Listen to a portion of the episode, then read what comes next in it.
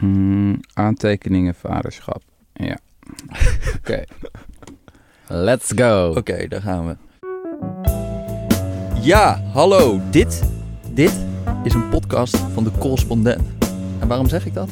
Omdat jullie lid moeten worden. Dus ik hou het voor nu gewoon bij alleen zeggen dat dit een podcast is van de correspondent. En dan hopen we dat jullie lid worden. Maar misschien gaan we in latere podcast ietsje dwingender te werk dan slechts een melding.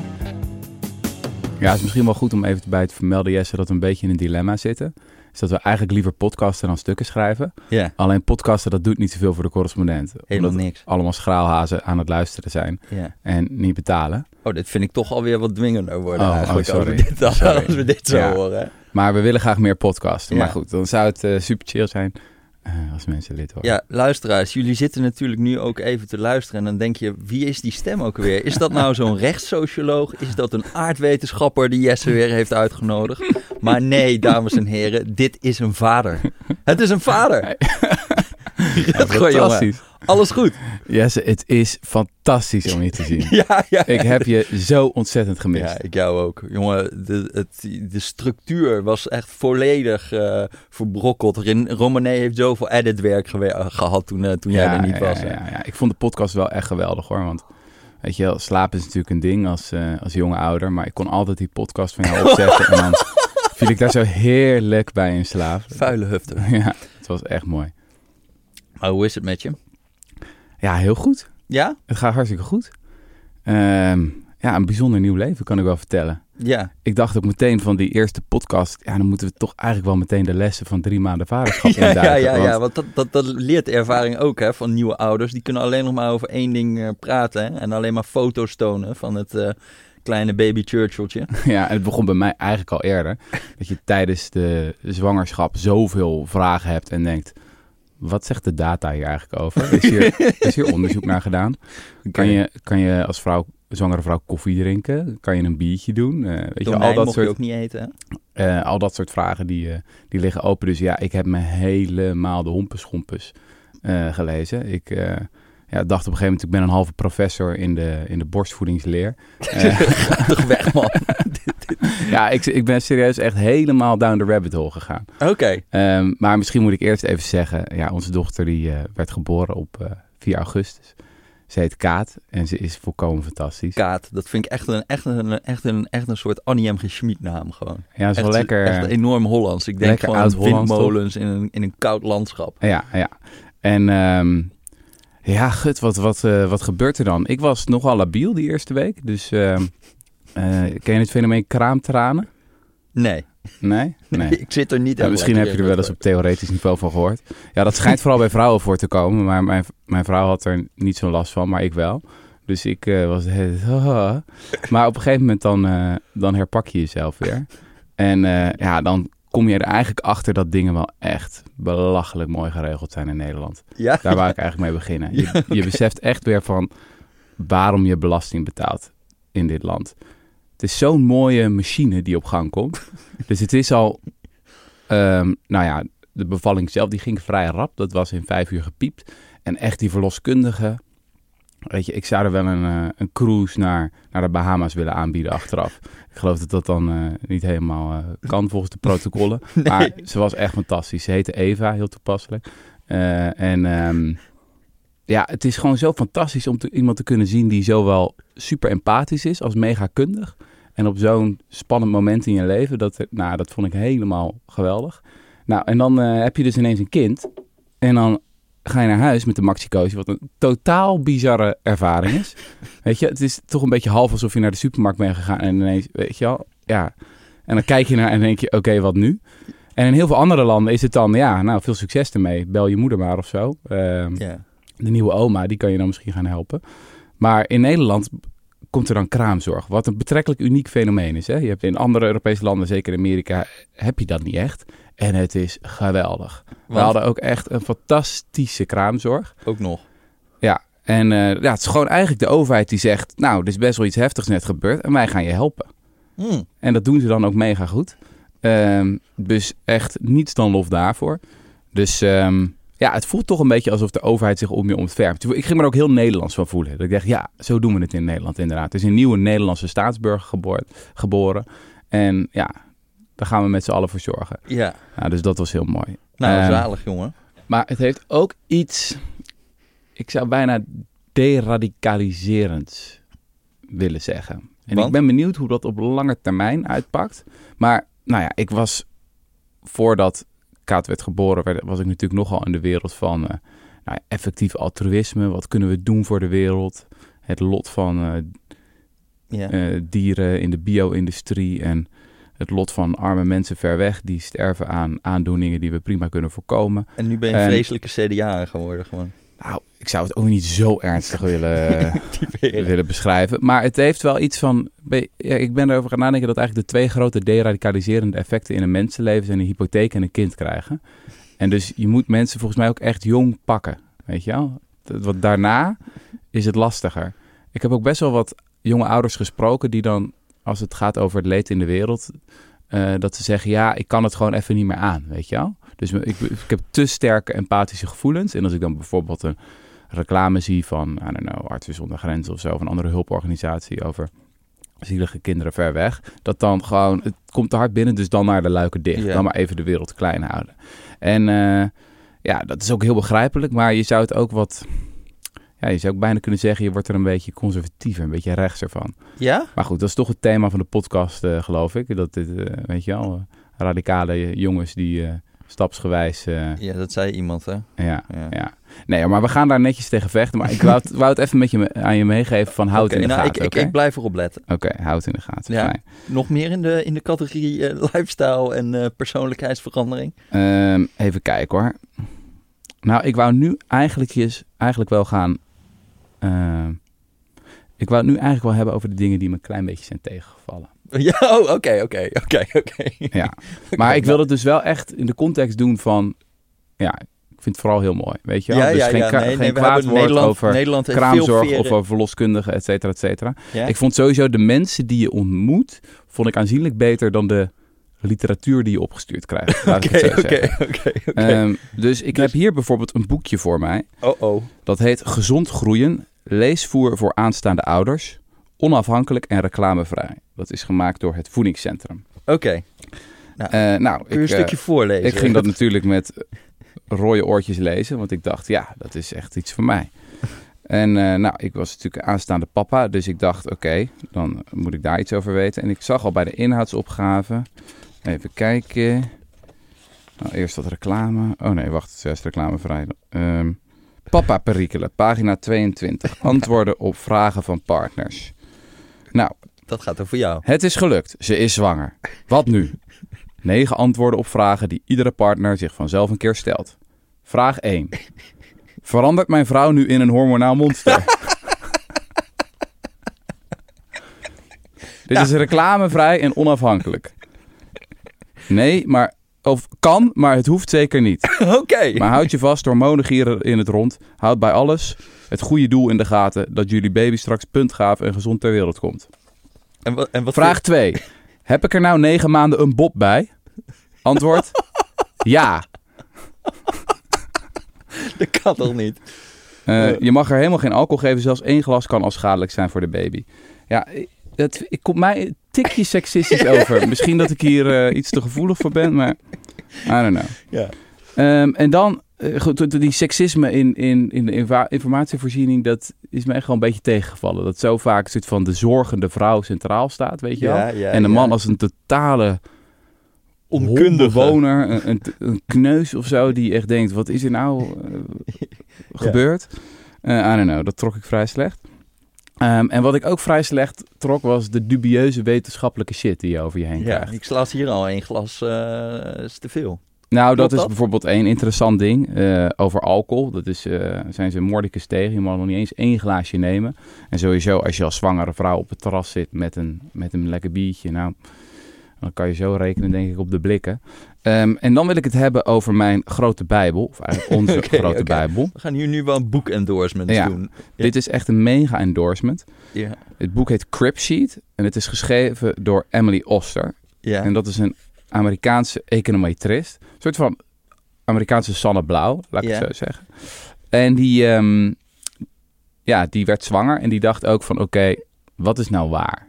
Weet je Ja. op al dat soort vragen van alcohol, soja tijdens de zwangerschap. Ehm, borstvoeding versus flesvoeding. Slaaptraining, werkt dat ja of nee? Eh, ja, had ze gewoon best wel serieuze vragen. ja. En ja, je wordt overspoeld natuurlijk met informatie. En heel vaak spreekt die informatie zichzelf ook tegen. Weet je, de een zegt één glaasje mag wel, de ander zegt niet. Ehm, dus dan ben je wel benieuwd van wat zegt de wetenschap. Dus dit is een volkomen fantastisch boek dat dat eigenlijk bespreekt. Ehm, even een eh, kleine spoiler. Meestal is de conclusie, nee, we weten het niet echt. Oké. Dus meestal is de conclusie, Maar dat is op zich toch ook al verbazingwekkend. Dat je dus gewoon ongeveer de grootste gebeurtenis in de mensenleven. ja, Waar we eigenlijk dan een heleboel dingen niet zo heel erg duidelijk van weten. ja, ik vond dat super schokkend. Echt super schokkend. Dat vond ik de hele, het hele proces lang. Dat je echt denkt, waarom is hier zo weinig echt kwalitatief goed onderzoek naar gedaan? En je gaat niet experimenteren ermee, toch? Dat is het, denk ik. Ja, dat is misschien. Maar toch best wel wat vragen kan je best onderzoeken. Dus laat ik, laat ik het voorbeeld nemen. Ja. Weet je wel, het grote voorbeeld dat, nou ja, de gelederen eh, splitst. Hoe zeg Ja. je dat? Kijk je wel nogal wat Rutger? Controverse voor is. Ja, ik ga dit heel voorzichtig proberen te bespreken. Oké, Maar het is een thema dat gewoon, hoe zeg je, mij, hoe zeg je dat? Eh, ja, het, het doet wat met me. Ja, oké. Ehm, en dan hebben we het over de kwestie borstvoeding versus flesvoe- flesvoeding. Nou, hoe wordt die keuze momenteel gepresenteerd? Eh, in Nederland en trouwens ook in andere landen. Ehm, nou, dat, dat zie je al vrij duidelijk als je flesvoeding koopt. Ehm, flesvoeding mag overigens niet in de reclame zijn. Eh, maar stel, je koopt het en je leest achterop, dan staat daar een tekst met ongeveer de strekking. Borstvoeding is het allerbeste. Mhm. Weet je zeker dat je dit wil doen? Zo ja, eh, overleg met je arts. Ja, Dat staat er. Je hebt echt half een beetje het idee van, eh, Ja. weet je wel, dit is gewoon... Nog, nog net geen eh, plaatjes van verschrompelde kindertjes achterop, maar... Nou ja, goed, aan alle kanten wordt wel echt gecommuniceerd van borstvoeding is beter. In het Engels zeggen ze breast is best. ja. Ehm, en als je dan het hebt over de lijst voordelen, Emily Oster heeft een mooi tabelletje in haar boek ehm, van wat voor voordelen er allemaal zouden zijn eh, verbonden aan borstvoeding. Mhm. dan is dat een eindeloze lijst. Dus over eh, de korte termijn hebben we het over minder verkouden, minder allergische uitslag, minder diarree, minder wiegedood. Eh, lange termijn, dat is natuurlijk nog interessanter. Dan hebben we het Mhm. over minder diabetes, minder eh, astma, minder longontsteking, minder ziekte van Crohn, minder allergie, minder obesitas. Voordelen, hoger IQ. Eh, en dan hebben we ook nog over voordelen voor de moeder. Nou, eh, gratis, ehm, ehm, eh, hoe zeg je dat? Birth control. Je zou ervan afvallen. Je, de hechting. Mhm. Hechting, dat is elke keer het Ja, woord dat ja, valt. ja. Hechting, heel belangrijk. dat hoorde ik ook hechting met je huid kind. op huid. Ja, huid op huid, hechting. Rooming in. Oh, ik, ik verlies alweer helemaal mezelf. Ehm, het zou ook gratis zijn, weet je. Het is goedkoper. Je bespaart er veel geld mee. Het is goed tegen de stress. Je zou er zelfs beter van slapen, volgens sommige Mhm. mensen. Ehm, en eh, het laatste voordeel, je hebt minder schetende koeien. Die eh broeikasgassen Oké, verspreiden. wow. Dit, Ja. de- ja. Dus dat is een beetje ehm, ja, de immense lijst van voordelen. En Mhm. ik snap ook best als, ja, als je als vrouw deze wereld betreedt, of als man die mee mag denken, dat je denkt, ja, eh, natuurlijk, weet je wel, natuurlijk Mhm. gaan we dit in ieder geval proberen. En we gaan ons ook wel een beetje slecht voelen als het niet lukt. Snap ik heel goed. Nou, en dan gaat Emily Oster, die gaat eens kijken in dat boek van wat blijft hier nou van over als we naar de echt hoogkwalitatieve studies kijken. En het eerste wat je dan ontdekt is dat bijna al dat borstvoedingsonderzoek, dat dat bevolkingsonderzoek is met klassieke correlatie-causatieproblemen. Mhm. Dus, wat wil het geval? Vrouwen die borstvoeding geven zijn veel vaker hoogopgeleid en rijker. Mhm. En Ja, ja, dan- ja. dat zijn nou eenmaal kinderen die betere gezondheidsuitkomsten hebben. Bijvoorbeeld een hoger IQ. Ja. Nogal wie dus. Ehm, als je dan gaat kijken naar de betere studies, dus dan heb je bijvoorbeeld ehm, broer-zus studies. Stel dat bijvoorbeeld een vrouw aan de oudste wel borstvoeding heeft gegeven, maar dan bij de tweede denkt, eh, ik doe het bij, niet. Dan kan je natuurlijk die kinderen vergelijken. Ja. is nog niet perfect, maar in ieder geval kan je al iets meer uit concluderen. Of natuurlijk de gouden standaard in het voedingsonderzoek en het medisch onderzoek is de randomized controlled trial. Dat doen ze Dus- ook bij borstvoeding. Kijk, De- dat, daarom lijkt het mij dus heel lastig. Omdat je dat gewoon... Nou, Eh, omdat onethisch voelt. ik zal het je vertellen. Dit immens grote vraagstuk voor zoveel mensen. Ja. Ehm, daar is één keer in de hele wereldgeschiedenis een randomized controlled trial naar gedaan. Eén RCT. Oké.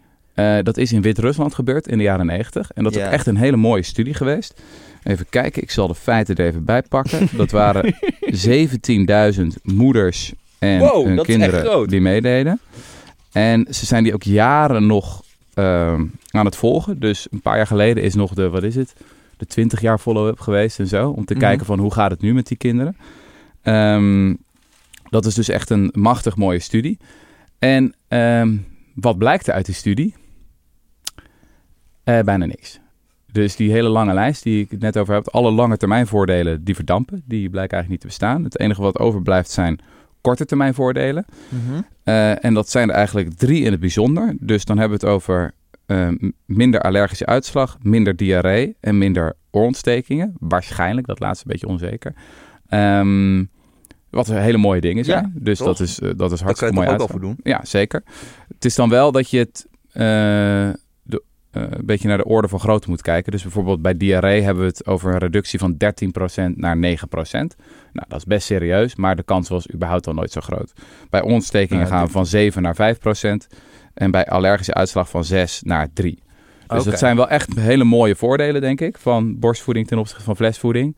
Maar de kans was überhaupt al nooit zo groot. Dus ik denk Ja, dat je dat gewoon 13%. aan ouders moet voorleggen en dat ze dan zelf die cijfers kunnen bekijken en zeggen, nou, zeg maar wat jij ervan vindt. Ja. Nou, die langetermijn voordelen, ja, die zijn er dus niet Ja. voor het kind. Eh, die- zowel in die broer-zus-studies als in die randomized control trials, dus het beste onderzoek wat we hebben, dat verdampt volledig.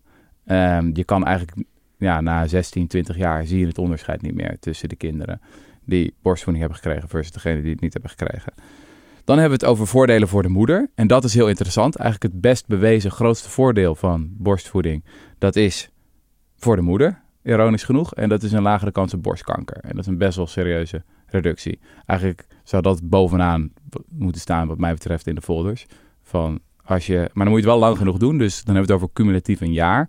Ehm, en er zijn wij, vrij weinig Nederlandse vrouwen, denk ik, en ook in het buitenland, die dat halen. Ehm, maar dat is een heel mooi voordeel. En het allergrootste voordeel natuurlijk van borstvoeding is, het is vegan. Ehm, als, je dan, als je dan gaat kijken naar de statistiekjes in Nederland, dan zie je dat bijna iedereen, alle vrouwen beginnen met borstvoeding. Dus dan heb je het over een beetje 70 tot 80 procent. Maar die, de uitval, oh, misschien een beetje hard woord, maar degene die er ja, mee stoppen is best wel heel groot. Dus na een maand hebben we het over 47 procent, na drie maanden over 31 procent en na zes maanden is, hebben we het over 19 procent. En al die studies waar ik het over Die heb, het nog doen. ja, die het nog doen, ja, ja. Dus al die mooie gezondheidsvoordelen, dan gaan we er wel uit van dat, dat we de zes maanden halen. Maar er is het maar 19% die dat haalt. Ja. Die echt nee, zes maanden lang volledige borstvoeding blijft geven. Mhm. Ehm, tegelijkertijd blijven mensen we dus bombarderen met borstvoeding is het allerbeste. Ehm, een hele mooie studie die recent verscheen, dat was in Social Science and Medicine. Eh, er waren duizend moeders en hun kinderen gerecruiteerd eh, in het derde trimester. En toen werd gevraagd van, eh, ben je van plan borstvoeding te gaan geven? En wat uit die studie bleek, is dat als je de vrouwen bekijkt die dat van plan waren, dat ja, eigenlijk al die kinderen het even goed doen. Snap je? Of, ze nou, of die borstvoeding nou lukte of niet. Ja. Waarbij de conclusie van de onderzoekers Ah, ja. was, eigenlijk waar het om gaat, is dat jij het type moeder bent dat zoveel in je kind wil investeren, dat je borstvoeding wil geven. Snap je? Dus het Ja, is een soort ja, van, Dat is ook weer voor de correlatie. ja, het is een signaal, zeg maar. Maar het is niet de borstvoeding zelf, het is het feit dat jij überhaupt al zo'n moeder bent. En daar horen allerlei andere dingen bij. Ja, dat je überhaupt ehm, heel goed voor je kind gaat zorgen. Ehm, waarom is dit relevant? Nou, ik denk in de eerste plaats omdat er best wel wat vrouwen zijn en ook eh, betrokken vaders, zoals ik aan de zijlijn, die eh, gegeven de informatie die je nu krijgt, ja, zich gewoon rot voelen als het niet lukt. Ja, Eh, de borstvoeding, wat best wel wel veel voorstellen, voor veel vrouwen geldt. denk ik. Ik, ja, jij kan je er zeker wat bij voorstellen. Denk jij Nou ja, je bent zo empathisch jong, hè? Mooi. Ehm, maar dan is het denk ik best wel een goede zaak als we ietsje neutraler de boel presenteren en zeggen van hé, hey, ehm, het, is, het is echt niet zo erg. Er zijn Wat best zijn wel een paar serieuze ook- korte ook- termijn voordelen en het is vegan en het, is, het kan de kans op borstkanker verlagen als je het lang genoeg doet.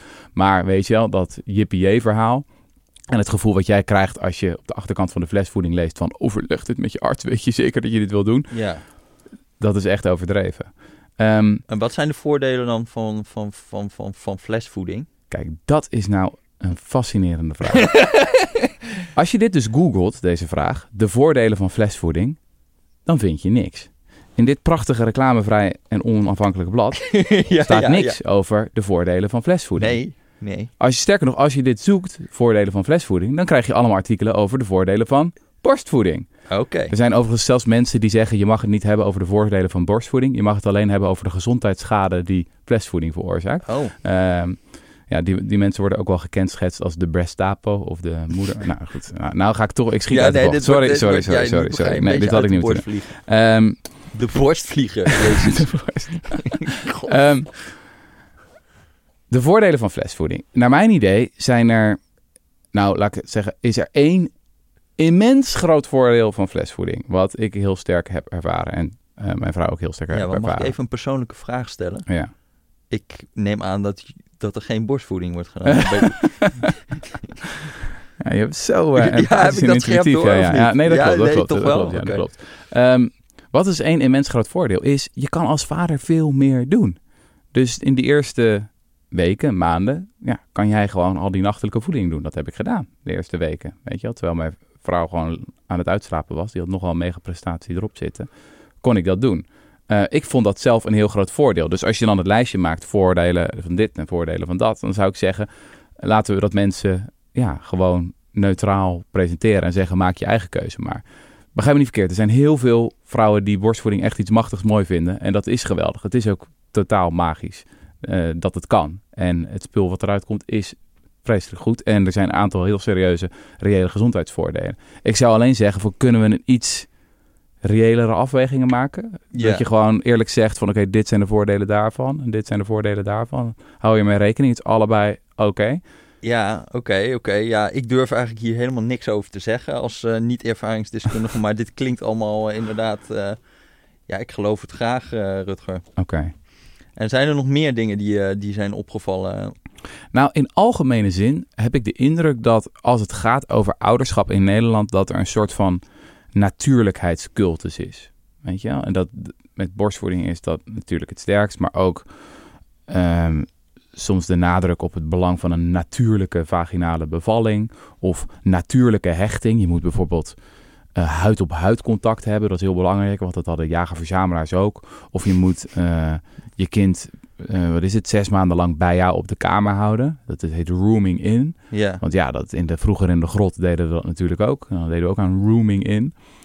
En ehm, ik vind het hartstikke mooi. Hè? Ik bedoel, als mensen dat willen doen, doe het vooral. Maar ook hier is het onderzoek erachter is echt zo dun als... mhm. Ja, als het, als het voor jou niet werkt, doe het gewoon niet. Dus wij, goed, wij hadden eerlijk gezegd, ja, Kaat maakt nogal veel herrie. Dus wij hadden echt na twee we- weken dat we achter van het hele rooming kan ons gestolen worden. Jij krijgt je eigen kamer, weet je wel. We zetten de babyfoon eh, wel even een beetje wat zachter. ja. Eh, dan kan ik tenminste gaan slapen. en slaap is ontzettend belangrijk. Want als jij lekker uitgeslapen bent als ouder, ben je volgens mij ook een leukere ouder voor je kind. ja. Ehm, Nou, we gaan Maar de goed, ik wil helemaal zes niet zeggen dat- zien, eh, vriend. ik wil helemaal niet zeggen dat je tegen rooming in moet zijn of zo. Maar ehm, ja, ik heb wel het sterk die, eh, het idee dat er echt zo'n natuurlijkheidscultus bestaat. Van als het natuurlijk voelt of zo, Ja. dan is het goed. En ik zou de en heel feministen... streng gewoon tegen... Ja, ja, ja, ja, ja. En ik zou de feministen van Nederland willen oproepen. en ik schaam mezelf daaronder. Is weg met de natuurlijkheidscultus. Dus ik pleit voor het onnatuurlijke ouderschap. Oké, oké. Dat is geen huid-op-huid contact. Zo snel mogelijk dat kind uit de kamer. Eh, vader doet eh, praktisch alles in de, in de eerste maand. Oké, oké. Maar eh, nogmaals, dat is niet omdat dat de juiste manier is. Ik wil gewoon het aantal opties verbreden. Ja, En ja, zeggen van dat is ook oké. ja, jij wil het een beetje Ja. liberaliseren, het hele ouderschap. Eigenlijk dat, ja. ja. En, en weg met het schuldgevoel eromheen en zo. En wat, dat is wel iets wat ik, nou ja, ook in mijn omgeving denk ik wel zie. Is van dat idee van, oh, misschien, ik bedoel, dat heb ik ook wel van jou geleerd. Is dat we over het algemeen Wat? de effect sizes overschatten. Ja. Weet je wel, in economische studies, dat we gewoon over het algemeen overschatten ja, wat het effect is van één enkele interventie. ja. En dat is misschien ook wel iets wat je als ouder zou moeten beseffen. Ja, zo'n kind, dat is gewoon bamboe. Dat groeit wel. Weet je, je moet er... Nou, dat was eventjes mijn... eh, Ja, want, want, want, want nu we toch in het kille data de rubriekje zijn gekomen... en dan heb ik ook nog wel wat bij te dragen aan het Ja, dit vind ik. Ja, ja, ja. Jesse, Oh, ja, ja. take it away. Nee, komt, komt ie. Jij zei net, een heleboel dingen zijn gewoon niet zo groot. Maar eh, dit was nou één studie waar toen ik het voor het eerst las, dat ik dacht, zo, dat lijkt me wel vrij belangrijk. En dat is gewoon, eh, nou ja, het heet dan eigenlijk met een lelijk woord, de kindboete. Mhm. En dat gaat eigenlijk over het verschil tussen vaders en moeders in wat er met hun carrière gebeurt nadat er een, het kind er is. Mhm.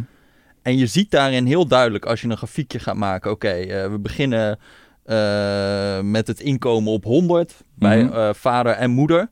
Kind komt, carrière van moeder gaat gewoon, het inkomen gaat gewoon naar, naar kind tot zeven jaar daarna of zo. Is het nog steeds veel lager dan die van de vader. Dus de vaders carrière gaat gewoon door. Moeders carrière maakt een, of het inkomen in ieder geval maakt een eh, crash. Dus de kindboete is de financiële prijs die een moeder betaalt voor het krijgen van een kind. Ja, en die is heel oneerlijk dus verdeeld. Want de vader heeft nergens last van, ogenschijnlijk. En de moeder die eh, maakt daar een, eh, maakt een enorme inkomensdaling mee. Huh. En daar zie je dus ook wel grappig, eh, hele erg internationale verschillen. Dus de eerste studie die hierna werd gedaan, Mhm. dat is van vier jaar, vijf jaar geleden of zo. En dat was in Denemarken. En daar was die inkomensdaling van moeders relatief tot vaders was 21% Dat is echt gigantisch, toch? Nou, dat is dus internationaal nog het allerbeste, Denemarken. En het, eh, het slechtste van, wat, van de landen waar ze nu hebben gekeken is Duitsland. Oh, ja, Daar is het ja. 60% 60 procent. En nou ga ik in jou vragen, wat denk je dat het in Nederland is? Beetje ertussenin, 40?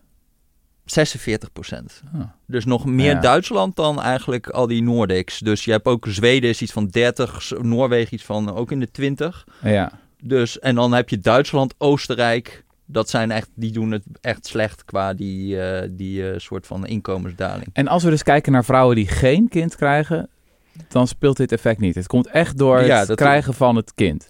Ja, ja, ja, ja, ja, ja. Ja. Dus het is niet, I don't know, discriminatie op de werkvloer of dat je niet goed genoeg bent in het onderhandelen van een salaris Nou als ja, vrouw. goed, die, Het die, is- die dingen spelen ook een rol. Maar dit is wel een zo'n groot... eh, want je ziet ook dat volgens mij ook met die gender wage gap... dat eh, op het moment... dat eh, De zeg loonkloof. de loonkloof, ja, Ja. tussen man en vrouw... die is ook eigenlijk eh, nog klein als de carrière begint. Dus in, in de... de, zeg maar, als ze twintig zijn, dan is die loonkloof er niet. Sterker nog, Mhm. dan verdienen vrouwen gemiddeld wat meer. Ja. Maar je ziet, dit, je ziet dit dus ook, je kan het ook namelijk, ehm, we hebben het nu over inkomen, hè? Dus dat is iets anders dan uurloon. Ja. Inkomen heeft namelijk ook te maken met hoeveel werk jij, werk je Mhm. überhaupt en eh, wat is je uurloon. En je ziet in Nederland heel sterk, dus eh, eh, mensen gaan 15% of vrouwen of moeders gaan 15% minder uurloon verdienen, 15% minder arbeidsparticipatie, dus of ze überhaupt werken. Mhm. Maar ze gaan ongeveer 50% minder uren werken. Oh ja, ja. En dat is een verschil met bijvoorbeeld Denemarken. Daar zie je dat alle drie die componenten, uurloon, arbeidsparticipatie, eh, eh, uren werk, ongeveer even groot zijn qua daling. Mhm. Maar omdat we in Nederland zo'n hele sterke deeltijdcultuur hebben, eh, gaat het vooral via uren werk die heel hard achteruit gaan, zo gauw een moeder een kind krijgt. Ja. En het is natuurlijk moeilijk om de CEO van een bedrijf te worden als je parttime werkt en je mannelijke collega's fulltime werken. Ja, ja, ja. En dat is, wel, dat is ook wel interessant. Van dat je, eh, je, ja, daar is dan al, altijd ook eh, een soort van kritiek op die deeltijdcultuur en zo. Maar je Ja. ziet wel een beetje dat daar een, een, een soort van afruil is. Ook in andere landen. Dat ze hadden ook een studie in Spanje bijvoorbeeld. Dat je op een gegeven moment eh, de mogelijkheid krijgt om eh, eh, eh, eh, zelf te vragen om het aantal. Als je een voltijdsbaan hebt of een vast contract Mhm. dan kon je eh, gaan vragen van, eh, om je uren te reduceren als je Mhm. ouder was. En dat was gewoon ouder, niet moeder. Maar je ziet dat gewoon 20% van de moeders vraagt erom en 1% van de vaders in Ja, Spanje. Ja, ja, ja. En het gevolg daarvan was ook dat, dat werkgevers heel erg gingen discrimineren op, op zeg maar vrouwen die dan, eh, die gingen ze dan minder snel een vast contract geven of een baan aanbieden Mhm. omdat ze die kans groot was dat die gingen vragen dan om, eh, om werktijdreductie. Ja, ja, ja, ja, Dus, dat, ja. dus zij liet in, dat, in die studie zien dat het eigenlijk wat was bedoeld om meer egalitair eh, uitkomsten te genereren. In Spanje in ieder geval meer het omgekeerde effect had bijna. Dat vrouwen eigenlijk minder gingen werken daardoor. Maar nou is de vraag, hebben we het hier over nurture of nature? Dus is dit gewoon ja, sociaal-economische arrangementen, wetgeving, gebrek aan vaderschapsverlof en dat soort kwesties? En doet Denemarken bijvoorbeeld daar, daardoor beter? Of uh, hebben de mensen van de natuurlijkheidscultus toch gelijk? Ik las in een van die natuurlijk ouderschapsblaadjes dat... dat lees je wel? Ja, ja dat de mannelijke energie pas op uh, bij leeftijd 8 of zo een rol gaat spelen voor het kind. En oh. dat daarvoor ook de vrouwelijke energie heel belangrijk is. En dat het kind ook uh, daarom altijd in de draagzak gehouden moet worden en zo.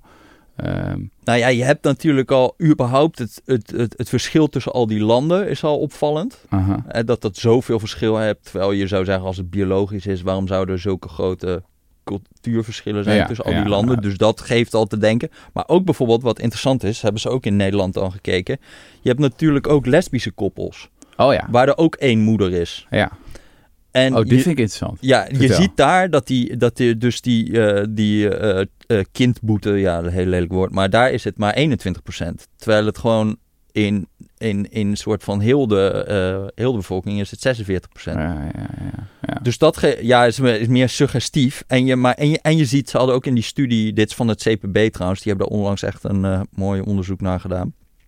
En die ook gekeken naar gewoon religieuze gemeentes. Mhm. Mm -hmm. Waar je veel meer traditionele gendernormen hebt. En daar zie je ook dat die kindboete veel groter ja, is. Ja, ja, dus wat, ze, wat zij en dat is ook wel interessant. Zij denken eigenlijk dat die gendernormen gewoon extreem belangrijk hierin zijn. En ook nog veel minder eigenlijk. Um, ja, je hebt heel vaak als je in het, in het soort van politieke debat gaat het heel erg over. Ja, we moeten meer kinderopvang of meer op. Dat we gaan even aan zo'n beleidsknop draaien. Meer vaderschapsverlof. En dan is dit opgelost. Maar als je al die economische studies ook in. ehm, Oostenrijk en zo, daar heb, heb- hebben ze dus gekeken naar 50, 60 jaar aan allerlei of dat beleid heeft gewerkt om die, om die boete te reduceren. Ja. En je ziet daar dat, dat, ja, dat het heel moeilijk is om aan te tonen dat het ook maar enig effect heeft gehad Ja, op ja, die ja. boete. Tegelijkertijd is er wel ook iets interessants aan de hand. Dat als je gewoon in landenvergelijkingen gaat kijken, dat de landen met de meest ruime voorzieningen voor eh, ouderschapsverlof en voor kinderopvang en weet ik veel wat, dat zijn e- eigenlijk die Nordics, hè, dus, dus Scan- Scandinavische landen, Denemarken en zo. Daar is ook die kindboete het kleinst. Mhm. Dus je zou ook kunnen zeggen dat misschien als je dat beleid hebt, dat dat invloed heeft op gendernormen op lange termijn, Ja. bijvoorbeeld. Waardoor je daardoor misschien die, de, die, die verhoudingen toch gaan, eh, Ja. eh, eh, anders gaan doen. Ja, of het is andersom. Zeg maar egalitaire gendernormen zorgen voor meer oudervriendelijk beleid. Mhm. Ik heb jaren Of geleden... het is alle twee, dat kan ook altijd. Jaren geleden, toen ik nog een klein correspondentje was, heb ik een ehm, stuk geschreven over vaderschapsverlof. En dat ging over die reeks van studies die betoogden dat het vaderschapsverlof een soort Trojaans paard is.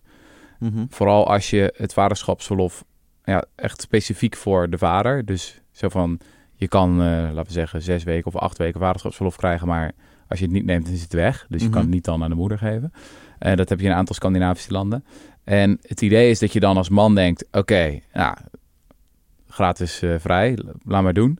Maar dat je dan vervolgens in de eerste weken ja, toch een soort van crash course krijgt van ouderschap. Er zijn ook allemaal mensen echt elke keer, elke keer als iemand zegt moederinstinct, dan sterft er ergens een baby pinguïn wat mij betreft. Want het is gewoon een kwestie van oefenen. Het is gewoon een kwestie van doen. Weet je, als jij gewoon veel tijd doorbrengt met die baby, dan ga je echt wel al die huiltjes onderscheiden hoor. Dan heb je echt wel van, meh, meh, meh. ja, je bent gewoon aan het whinen. Of, ah, ja, dan weet je wel, oké, ik moet wat gaan doen. Het is gewoon een Je kwestie van, het flesvoeding in. is gewoon een stukje ervaring. eh. Oké, goed. Maar goed, als je die ervaring niet opdoet, ja, nogal wie is dan dat je na een paar maanden denkt van, oké, eh, doe jij het maar, want jij hebt het instinct, weet je wel? Jij Mhm. hebt de moederlijke energie, of zoiets. ja, ja, Eh. Dus ik vond dat wel een overtuigend verhaal van, ja, je wil eigenlijk dat die vaders zo snel mogelijk erbij betrokken worden. Mhm. Lekker veel flesjes geven. Ehm, eh, zodat ze gewoon zoveel mogelijk ervaring opdoen met Mhm. het kind. Maar, weet je, je hebt die column die eh, Sander Schimmelpenning ongeveer iedere week in de Volkskrant Ja, ja, ja, ja. maakt ongeveer Deeltijd, prinsesjes. altijd al dat hetzelfde soort, punt. ja, ja. Van dat bij Nederlandse vrouwen zo is, en dat is uniek in Europa, dat ze al deeltijd gaan werken voordat het kind er is. Ja, maar ja, goed, als je dit zo leest, dan is het dus wel dat het aantal uren gewerkt na het kind met 50% afneemt Ja. bij moeders. Dus dat is nog een veel sterker, ja, groter ja, effect. Ja, ja, ja. Maar goed, als je al, zeg maar, ongelijk aan de start verschijnt. Ik heb dat altijd wel een sterk punt gevonden. Van ja, je bent vrouw, 24, 25 en je beslist gewoon zelf. Ik begin met vier of drieënhalve dag werk in de week. Wat prima is, hè? En echt lang leven de vrijheid. Maar het is dan natuurlijk een beetje moeilijk om te betogen dat het de schuld is van het patriarchaat. Want wat ja, nou ja, nou, tegen het is ook die... nog wel ingewikkeld, want je kan natuurlijk ook krijgen dat door zo'n ehm deelt, je krijgt ook heel veel sortering in banen dat je vrouwelijke en mannelijke banen krijgt heel erg, waarin, Oh, ja, ja. waarin je dus vastroest in een soort patroon waar het veel makkelijker is voor vrouwen om deeltijd te gaan werken Ja. dan voor mannen, omdat die in een soort van banen zitten waar die norm niet is bevestigd. Ja. Snap je? Of- Ja, ja, snap ik. Ja, dus. Dat, als- Ja. omdat we dat zo sterk hebben, dat dat 30, 40 jaar zo is gegroeid, dat dat alleen maar vastroest en steeds lastiger wordt om te veranderen. Het is eigenlijk heel En moeilijk weet om te je wat ik me ook eigenlijk afvraag? Wat, soms, soms denk ik ook van, wat is precies het probleem? Kijk, als, Nou, mensen, ja. als, mensen, de, eh, als, als, als mensen hiervoor kiezen, toch? Ik Ja. bedoel, of, of moet in de utopie moet het altijd precies gelijk zijn? Nou, wat altijd wordt gezegd, het probleem is financiële onafhankelijkheid. Dus als Ja. er een scheiding is en nogal wat huwelijken eh, die eindigen in een scheiding, dan is mannetje gebakken en vrouwtje heeft een probleem. En überhaupt, ja, we willen graag een diversere leidinggevende top, denk ik, in Nederland. Ik denk dat het om allerlei redenen een goed idee is. Ja. Dus ik denk dat het van twee kanten moet komen. Dus mannen moeten ook echt hun vaderschapsop, vaderschap opeisen. Dus je zet dan zo een... Ja, hoe zeg je dat? Je zet gewoon de standaard volgens mij voor de hele rest van je ouderschap. Van hoe je dingen doet. Dus ook als, als een tweede of een derde kind komt, dan heb je al een soort van ja, manier van omgaan. En heb je al een beeld van jezelf als vader van... I got this, weet je wel? Het is niet zo... Ja. Ja, ik kan dit best goed. Mag ik tot slot nog een paar losse feitjes eh, zonder nadere duiding hierbij noemen? Die ik gewoon interessant vond om te lezen, ook in deze studie. Ja, kom maar door. Antilliaanse en Surinaamse moeders, Aha. inkomensdrop van 31%, tegenover Nederlandse autochtone Nederlandse moeders van 46%. Vond ik opvallend. Hè? Ja. Oh, dat en, is heel eh, interessant. en, ja. eh, en je ziet ook een groot verschil tussen hoogopgeleide eh, moeders en laagopgeleide moeders. Dus hoogopgeleide moeders is het ook, is het ook eh 31%. Oh ja. Nou, ja, weer iets geleerd. Maar wat moeten we nou doen dan? Dus eh, we willen het allemaal Ja, nou, ik denk, dat het, de ik denk dat het belangrijkste is dus dat die gendernormen veranderen. En de vraag is... eh, eh, Hoe verander je gendernormen? Ja, precies. En dat is Mannelijke rolmodellen zijn er nodig. Mannelijke rolmodellen, vrouwelijke Ja. rolmodellen. Ja, en, en gewoon toch wel, kindjes krijgen. toch wel ook misschien dat beleid daar ook invloed op heeft. Hè, door een bepaalde rol of een andere rolverdeling te bevestigen. hmm. Maar ik denk wel dat er te veel nadruk wordt gelegd op eh, daarop. Hmm. Ja, dat dat dus niet het is in, meer eh, het, het ja. mechanisme is meer dat beleid die normen verandert. Aha. Dan dat, we, eh, dan dat we hopen dat beleid direct zeg maar, de uitkomsten Ja, verandert. ja, ja, ja. Snap je? Ja, Ja, snap ik. Ja, ja, ja. En zelfs als je dus al ja, een behoorlijke mate van gendergelijkheid hebt, zoals in Denemarken, heb je nog steeds een hele forse kindboete. Want ik vind een kindboete van 20% nog steeds best Ja. wel heel fors. Ja, ja, klopt. Ja, ja, ja. Ja, en ook daar zie je als je het niet, niet met eh soort van al die faciliteiten die er dan worden verzonnen van eh, eh, eh, ouderschapsquota en zo. Mhm. Als je daar niet wat dwingender te werk gaat en vaders eigenlijk bijna dwingt om dat op te gaan nemen, dan Mhm. zie je daar ook nog gewoon eh, enorme verschillen tussen, wie, tussen dat de moeder het steeds opneemt in plaats van de vader. Oh, ja, ja, ja, ja. Dus dat zit dan heel erg in die normen. ja. Ja. Hadden we nog iets of niet? Of zijn we nou... eh, Nou, ik, vind het, eh, ik vond het al zeer verhelderend. Ja? Ehm Waar jij het nog hebben over eh, dat filmpje? Over dat filmpje De deepfake? oh, van Mark Rutte. Nou, dat- ik zat wel te denken... Dat zat je nog een beetje hoog geloof ik. ja, ik zat, zat mij wel hoog, maar ik zat ook te denken... er zit nog iets, iets onder wat ik me steeds vaker afvraag. Kijk, we hadden een filmpje van Mark Rutte... Hè, dat hij een, Mhm. een klimaatspeech ging houden... en dat was een deepfake. Ja. Hè? Dus eh, nou ja, dan weet je ook al wat er gaat gebeuren. Dan is iedereen natuurlijk, wow, wow deepfake, wow, dat is fake nieuws, bla bla. Nou, dat, die kant van het verhaal vond ik zo'n onzin. Als je dat hele filmpje ziet, van, eh, dan is het meer Lucky TV dan dat je dan denkt van, goh, hier gaan mensen echt intrappen dat dit de echte Mark Rutte is. Ja, want de kritiek Mensen van sommige journalisten was...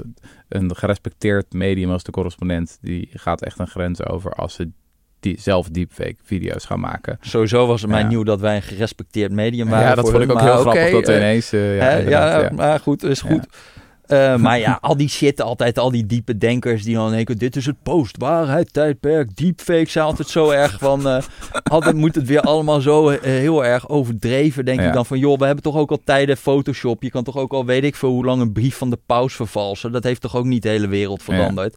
Ik vond en dan, het wel... ik denk echt, dan ook die hele obsessie met nepnieuws en zo. Jongen, weet je, het echte probleem is echt nieuws, niet nepnieuws. Ja. Maar goed. Mag ik één ding zeggen? Oh ja. Nou, ik vond het wel... Ik was lekker aan het renten, vriend. Ja, weet ik, weet ik, weet ik. Maar er, wa- er was een comment op YouTube en die werd het meest geüpvote. Ja. En die vond ik wel sterk. Die zei van, na twee vliegen één klap, lekkere speech van Rutte. En meteen, ja, een goed stukje educatie over wat deepfakes tegenwoordig kunnen. Ja, maar vond jij dat nou heel indrukwekkend? Ja, sorry dat ik het zeg hoor. Maar je had toch gewoon wel toch echt een beetje een eerie vibe als je dat filmpje keek. Van nou, dit is niet echt... Ik had echt niet... Ik had na vijf seconden al door dat het niet Mark Rutte was. Nee, Of je, ja, misschien als je echt... Ja. eh, Ja. Nee, Maar goed. eens. dus die kritiek vond ik echt onzin. Maar je had wel iets anders. Ik had meer een inhoudelijk probleem ermee van... Eigenlijk doen we heel erg alsof gewoon zo'n Mark Rutte enorm onwillig is om wat dan ook aan klimaat te doen. Hè, van mijn politiek adviseur zegt hij in dat speechje van... We hebben ons afgeraden om het woord klimaatcrisis te gebruiken. Nou, als je even gaat googlen zie je dat hij ook heel vaak het woord klimaatcrisis heeft gebruikt. Maar oké. Maar eh, hij zit nu toch ook de hele tijd te zeggen... we moeten olympisch kampioen eh, duurzaamheid zijn. En we moeten eh, groene industriepolitiek. En bla, Actie, actie, actie. Ja, actie, Ja. actie, actie, zei hij nu. Ja. Ja, ja, altijd lekker hè, die drie fouten. Ja, ja, ja, ja. Maar wij gaan dan een heel erg een soort van polariserend geluid voor onze achterban. Die vinden dat natuurlijk ook hartstikke lekker van ja, Rutte wil niet. Maar is dat nou wat wij moeten doen? Hè, voor, moet je nou, of moet je gewoon zeggen, hij, moet vijf, hij, hij zegt al, we willen 55% klimaatreductie. Mhm. Nou, laten we dan niet doen alsof hij dat eigenlijk niet vindt. ja. Maar gewoon gaan zorgen dat dat, eh, dat, dat waarheid wordt. Hmm. Veel meer met scherp schieten dan dat we nu nog... Kijk, ik bedoel, als het 2010 is ja. en zij zeggen, nou, tut, tut, oh, oh, het maakt allemaal niet zoveel uit. Maar we zijn het nu allemaal eens over dat het wel erg is, Mhm. behalve een paar dwazen ter rechterzijde. Maar ja. Ik zal je uitleggen waarom het mij toch raakte. Ja, ja. En waarom ik het toch goed vond. Ehm, als je kijkt eigenlijk van links tot rechts, dan wordt die klimaatuitdaging voornamelijk beschreven als een kans, als iets moois, als een uitdaging, maar uiteindelijk vooral iets wat ook heel leuk wordt.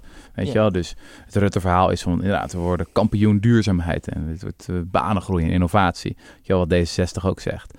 En wat ik waardeerde aan deze speech van klimaat-Rutte, de fake Rutte, is dat hij zei, luister, ehm, als het niet had gehoeven, dan hadden we het liever niet gedaan.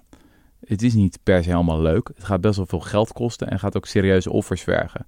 Zeker als het gaat over ons dieet en ons vlieggedrag bijvoorbeeld.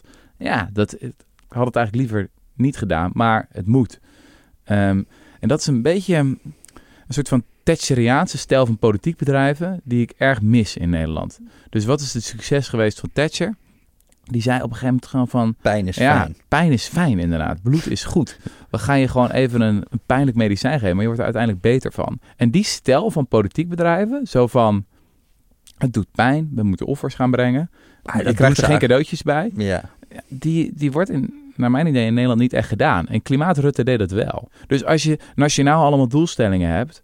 Weet je wel, eh, eh, 45, 50% minder in 2030. 55% minder in 2030. En, en naar nul in 2050. Iedereen vindt applaus, applaus. Ja. Weet je wel, weg met Shell. Eh, we moeten dat eh, verdrag ondertekenen. Dat we niet meer investeren in fossiel, bla bla Ja. bla. Maar als het dan concreet wordt... Oh, je energierekening gaat omhoog. Oh, Ja. er komt een windmolen in je achtertuin. Ik vond dat Klimaatrutte daar eerlijk over was. Dat hij zei, luister, het wordt misschien niet zo leuk. En het gaat best wel wat offers vergen. Ja. En dat is wat ik eraan waardeerde. Ja, ja, ja. En dan, dan, en dan zat ik ook nog te denken, hè, kijk, dat is meer een soort van correspondent-strategie ding. Eigenlijk neem je dan een soort van vorm Hm. en je weet dat iedereen daar gewoon overheen gaat vallen en helemaal boos gaat worden. En dan hoop je dat je door de vorm dat het over de inhoud kan gaan. Ja, Hè? Dus we hopen door deze vorm dat we dan klimaatverandering op... eh, maar ja, Maar dan zie je bijvoorbeeld Rob zitten bij zo'n talkshow. ja. Ja, wie wordt er nou voor wiens karretje gespannen, vraag ik me dan af. Want uiteindelijk gaat het alleen maar over de vorm. ja. Die hele inhoud, da- daar heeft, is, is ook natuurlijk helemaal niemand in geïnteresseerd uiteindelijk. En dan zit je daar gewoon wel voor een groot publiek. Maar uiteindelijk ja, gaat het alleen maar over, is een deepfake goed of niet? Dat had ik Ja. ook een beetje bij, bij, bij jouw glorieuze momenten met, met zo'n Tucker Carlson of zo Mhm. dan denk je ook een beetje van... Oké, wie is hier nou de winnaar? Want uiteindelijk eh, doe jij dat dan, ga je dan ruzie zoeken met zo iemand, omdat je dan een boodschap hebt te verkondigen. Mhm. Maar uiteindelijk gaat het alleen over die ruzie. Ja. En zijn we dan niet gewoon weer een, weer een soort van eh, eh, een, een emmer aan iets waar we al echt een overdaad aan hebben van eh, polarisatie gewoon aan het bijdragen? En ja, wat, wat, wat, wat is er dan? ja, ja, jij zit een beetje in je antipolarisatiefase. ik zit zeker in mijn Ja, je wil antipolarisatie. gewoon dat ik heb daar echt zo'n broertje komen. dood aan. Hè? Ja. Dat eindeloze, eindeloze gewoon doen alsof anderen onwillig zijn. Joh, gaat een, je weet zelf niet eens wat je wil. Ja. Nou ja, Yesje? Eh, ja, we gaan weer vrolijk voort. Hè? Ja, ik weet niet of we het wekelijks gaan doen, want jij hebt toch allemaal eh, gruwelijke promotie eh, dingen. ja, ik heb deze maand we hebben een vandaag beetje druk. gehoord, ja. eh, of ik hoor dat je een half miljoen boeken in Nederland hebt verkocht. ja, heel bizar, ja. ja. Ik heb er zelf 18.000 verkocht. Hè? Weet je dat ik daar een beetje een misselijke Ja. smaak van in mijn mond Ja. krijg? Maar 18.000 is echt mega veel. Vanaf 10.000 tellen ze geloof ik mee met bestseller. Ja, Ja. ja. Nee, maar- het verzag niet echt de pijn, maar oké. nee, nee, nee. zo, maar zo is het nou ik zou de lezers vooral willen oproepen om het boek Zo hadden we het niet bedoeld te kopen. Het is een machtig mooi boek. Ja, Eh, trouwe luisteraars, we vonden het machtig mooi. ja. Yes, het was goed je te zien. Insgelijks. En, en ehm, hoe zeg je dat? Vaarwel, Vaarwel. tabé. En een laatste emotionele oproep om lid te worden van de Oh ja, inderdaad. Ja, nee, Ja. ja. dat hebben we al een beetje aan het begin. Ja. Toedeledokies. Doei.